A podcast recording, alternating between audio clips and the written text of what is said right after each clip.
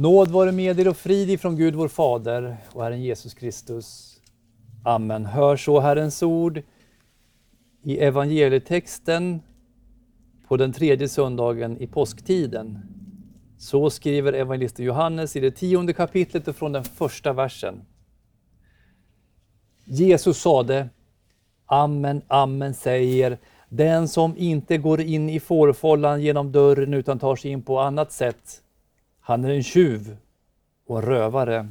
Men den som går in genom dörren är fårens herde. För honom öppnar dörrvaktaren och fåren lyssnar till hans röst och han kallar på sina får och nämner dem med deras namn och för ut dem. När han har fört ut alla sina får går han före dem och fåren följer honom därför att de känner igen hans röst. Men en främling följer de inte, utan flyr bort från honom därför att de inte känner igen främlingars röst. Denna liknelse framställde Jesus för dem, men de förstod inte vad han talade om. Då sa Jesus än en gång, Amen, amen säger, jag är dörren till fåren. Alla som har kommit före mig är tjuvar och rövare, men fåren har inte lyssnat till dem. Jag är dörren. Den som går in genom mig skall bli frälst och han ska gå in och ut och finna bete. Tjuven kommer bara för att stjäla, slakta och döda. Jag har kommit för att de ska ha liv. Ja, liv i överflöd. Amen. Herre, helg oss i sanningen. Ditt ord är sanning. Amen.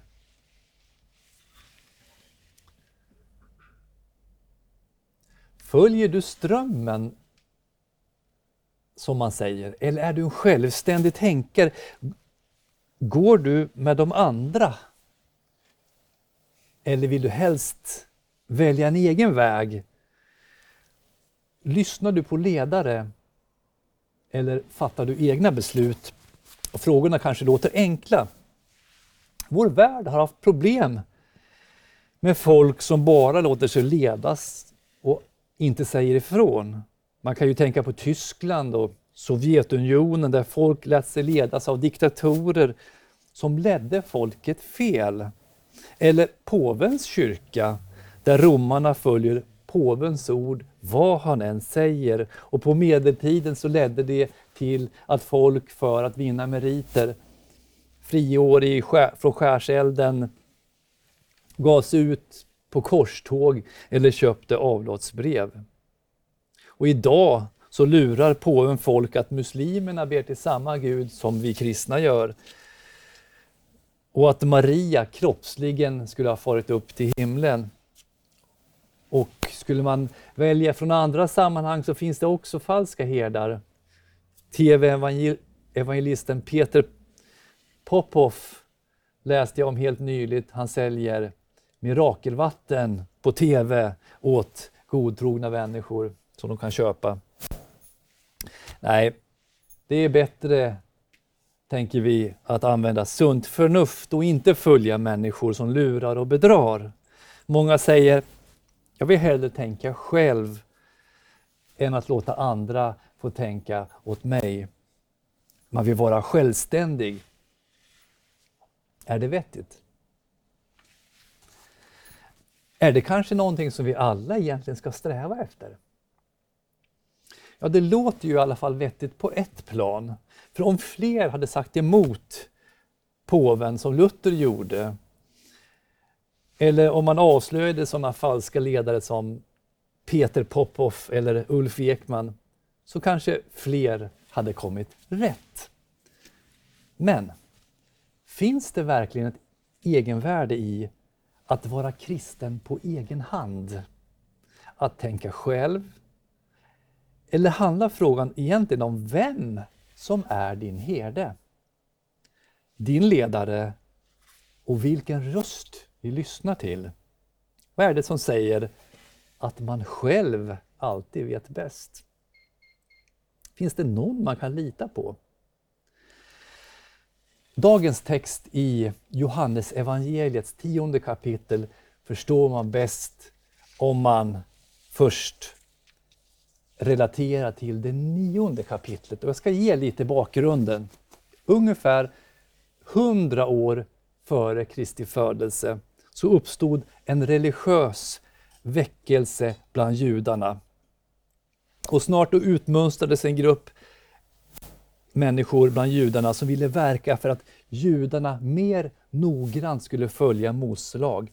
Man kallades de avskilda, på hebreiska perushim eller ferushim, som i vårt grekiska Nya testamente blir fariseerna. För att folk verkligen skulle förstå hur man skulle lyda Mose lag så började man tradera, alltså muntligt föra vidare detaljerade beskrivningar om hur lagen skulle lydas. Allt av omsorg för att ingen skulle råka lyda fel, ta några steg för mycket på sabbaten eller ge fel summa av tionde till templet. Man värnade om det utvalda folket Israel. Man ville bygga Guds rike här och nu genom lag och rätt.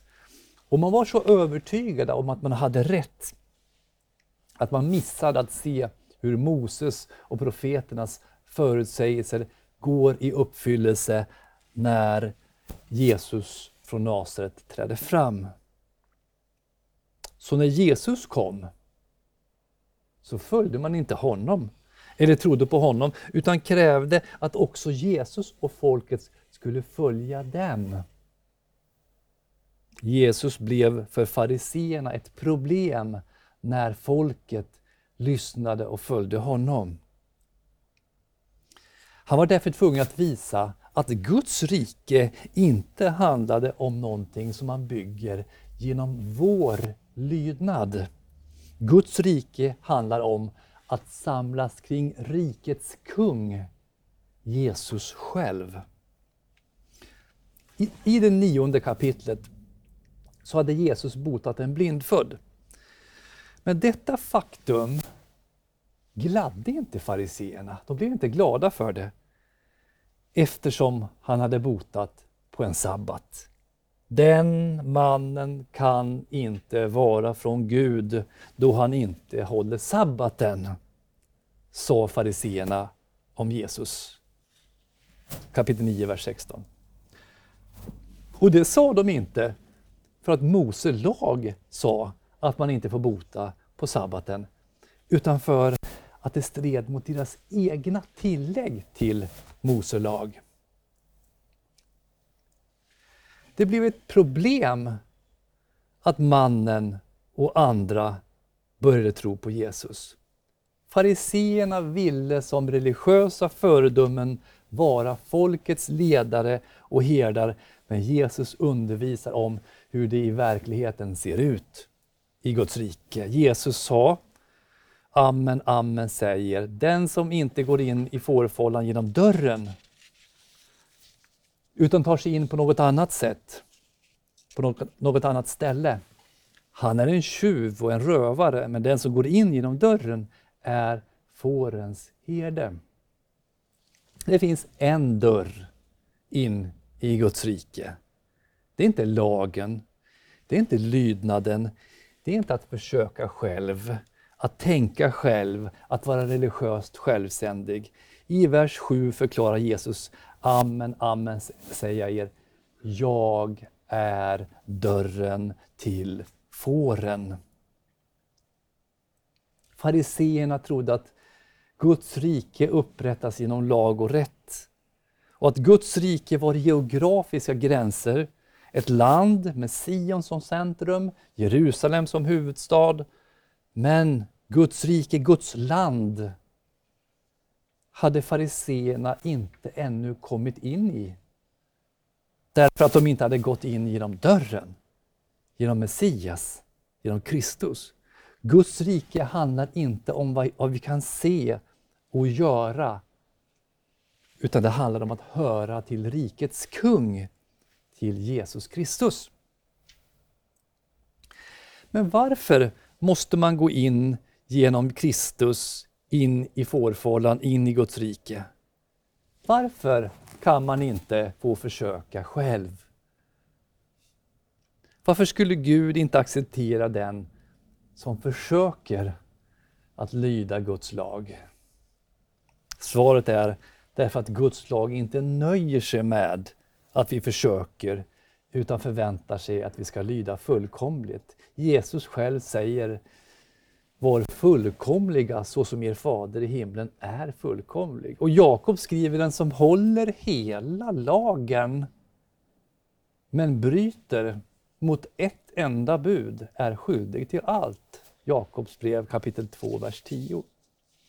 Eftersom vi människor inte kan ta oss in i Guds rike genom vår laglydnad så kom Jesus för att lyda Guds lag i vårt ställe och genom sitt blod på korset köpa oss fria från lagens skuld och dom. Som aposteln skriver, när tiden var fullbordad sände Gud sin son, född av kvinna och ställd under lagen för att han skulle friköpa dem som stod under lagen så att vi skulle få söners rätt. Galaterbrevet 4, vers 4.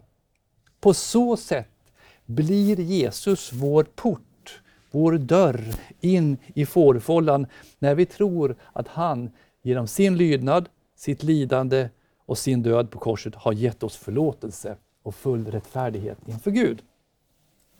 Men den som går in genom fårfållan, som inte går in genom fårfållan genom dörren utan tar sig in på något annat ställe, han är en tjuv och rövare.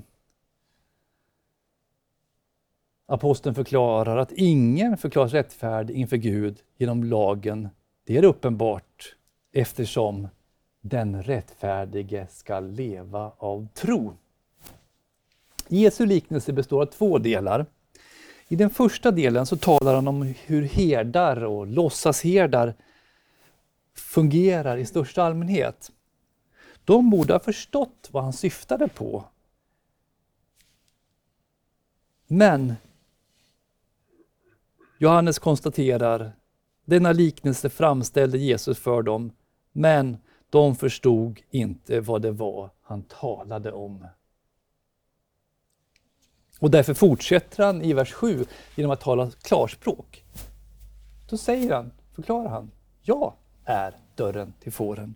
Och i vers 10, jag är den gode herden. Vi ska se att hans inledande liknelse, det är två delar i, i det här talet. Det berör fler än honom själv. Alla som leder får är ju herdar i viss mening. Och han talar också om dörren och dörrvaktaren. Och vi ser också att flera bilder används på samma sak i liknelsen.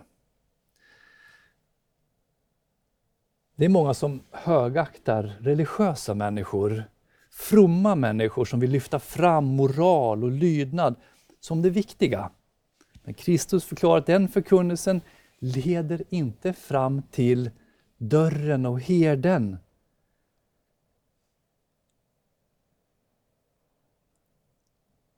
Och den förkunnelsen och de herdarna ska aldrig beskrivas med vackra namn.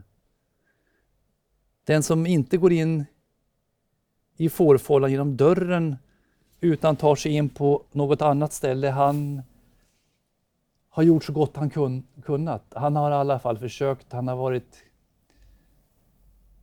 ambitiös. Säger han det?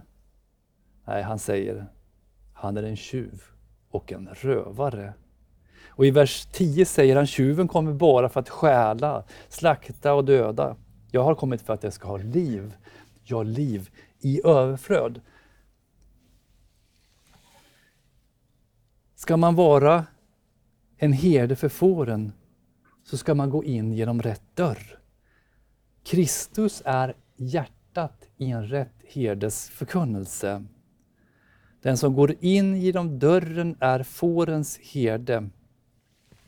På Jesu tid så var herdeuppgiften det var ju inget, det var inget statusyrke. Att vara herde, det var smutsigt och det var kallt, man frös ofta. Man fick bära lamm, man fick tvätta dem, man fick se till att ge dem mat och vatten. Och man eh, levde ofta långt hemifrån när fåren var ute på bete. Och herden han kunde samla fåren i särskilda fårfållor utanför byarna över natten. Det var inhägnader kringgärdade av stenmurar eller staket eller bara virke och buskar som man upp. Och ibland kunde flera olika herdar samsas om samma fårfålla. Det var ju oftast inga större problem. Fåren visste vilken herde de skulle följa. Även om får är skyddslösa och klumpiga så har de bra hörsel och de kan urskilja sin egen herdes röst när han ropar. Och framför ingången till follan kunde man i, i finare fårfållor kunde man ha en dörr eller port som var stängd över natten och i lite enklare fållor hur gjorde man där? Jo, då, då var det bara en öppning. Och så över natten så virade herden in sig i sin, i sin mantel, en sån här mantel, så virade han in sig i manteln och sov i den som i en sovsäck. Han la sig vid den här öppningen och sov där som en mänsklig dörr. Han släppte inte in och ut någon som inte var får eller herde. Och därför är det inte så underligt i liknelsen att Jesus både är herde, dörr och dörrvaktare. Jesus sa, men den som går in genom dörren är fårens herde. För honom öppnar dörrvaktaren och fåren lyssnar till hans röst. Och han kallar på sina får och nämner dem med deras namn och för ut dem. När han har fört ut alla sina får går han före dem och fåren följer honom därför att de känner igen hans röst. I sitt tal om den yttersta domen i Matteus 25 så skiljer Jesus på får och getter.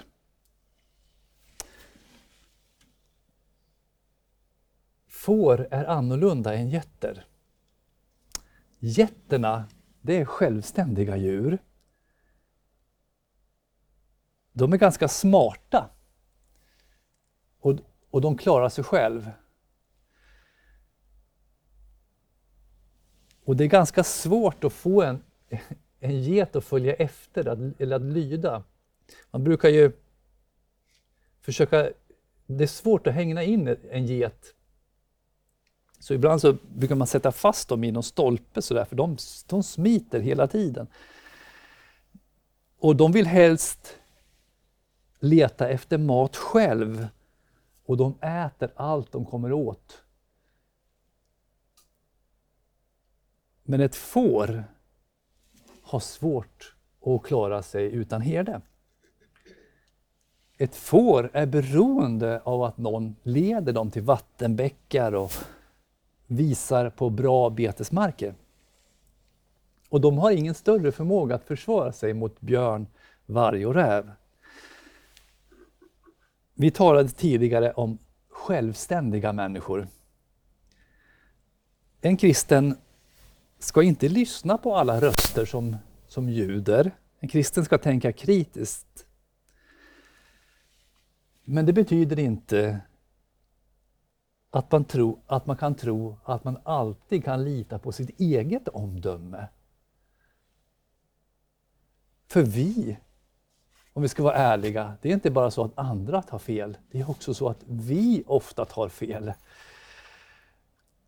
Och därför behöver vi den gode herden. Därför behöver vi Jesus, för hans röst tar aldrig miste. Och vi behöver de andra fåren och vi behöver herdens omsorg. Han bryr sig om var och en av oss. Och han, står det, nämner oss vid namn. Ja, han gjorde ju det vid dopet. När han sa Jag döper dig Karl i, den, i Faderns, Sonens och den helige Andes namn. Han näm nämner oss vid namn.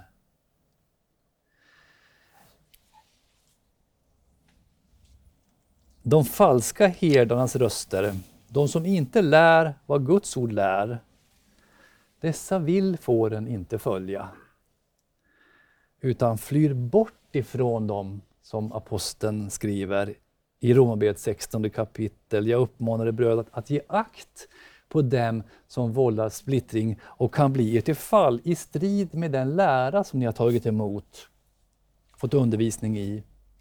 Vänd er bort ifrån dem, ty sådana tjänar inte vår Herre Kristus utan sin egen buk.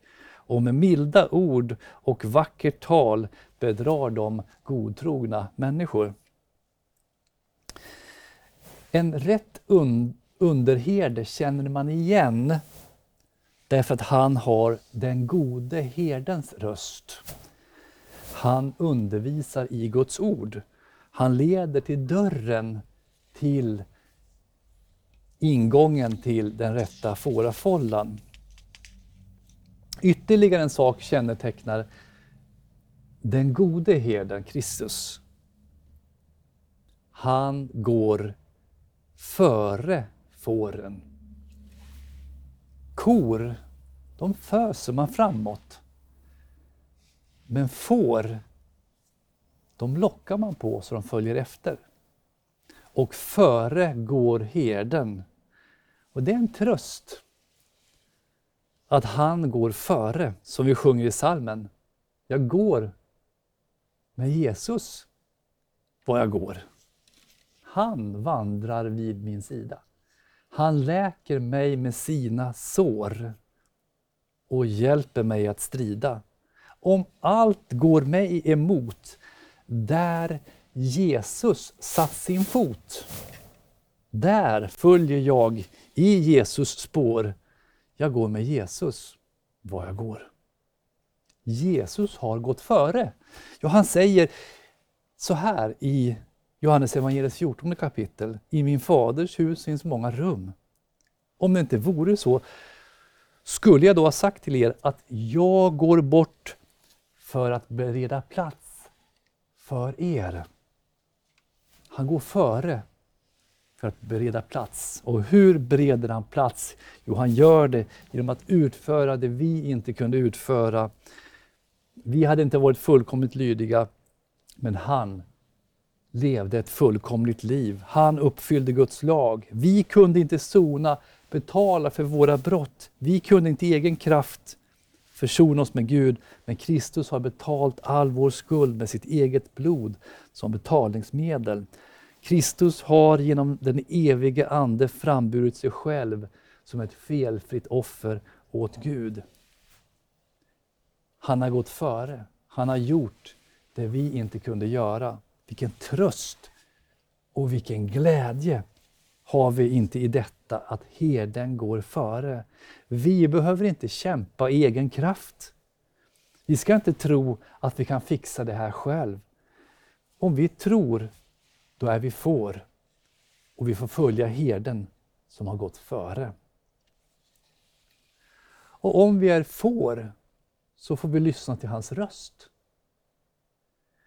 Och den hör vi när då? Den hör vi när vi läser vår bibel. Den hör vi när vi lyssnar till Guds ords förkunnelse i församlingens gudstjänster. Och vattenbäckarna och betesmarkerna. Vad är det för någonting? Jo, det är också evangelium i ord och sakrament. Det är nattvarden, det är Kristi kropp och blod under bröd och vin. Och Jesus sa, jag är dörren. Den som går in genom mig skall bli frälst. Och han ska gå in och gå ut och finna bete. Tänk så fantastiskt egentligen. I en värld med så många förvirrade och förföriska röster att slippa lita på sitt eget och andras omdöme och få lita på den gode herdens röst och följa honom, han som har gått före och leder oss till betesmarker och vattenbäckar. Han som samlar sina får i församlingar med fårafållor, med underherdar. Han som beskyddar och bevarar oss. Han som håller oss nära honom. Det kan ibland vara en farlig värld som vi lever i, som sliter och river i fåren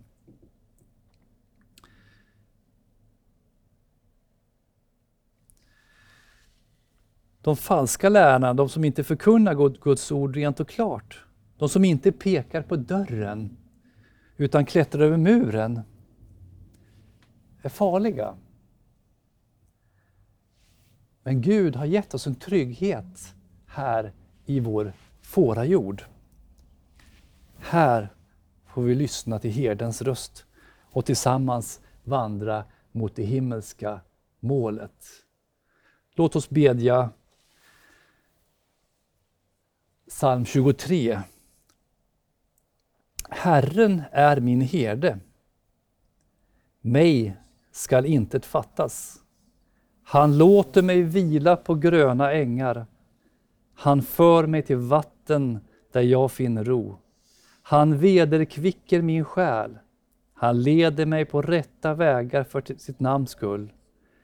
Om jag än vandrar i dödsskuggans dal fruktar jag intet ont, ty du är med mig. Din käpp och stav, det tröstar mig. Du dukar för mig ett bord i mina ovänners åsyn. Du smörjer mitt huvud med olja och låter min bägare flöda över. Idel godhet och nåd skall följa mig i alla mina livsdagar och jag skall bo i Herrens hus evinnerligen. Amen.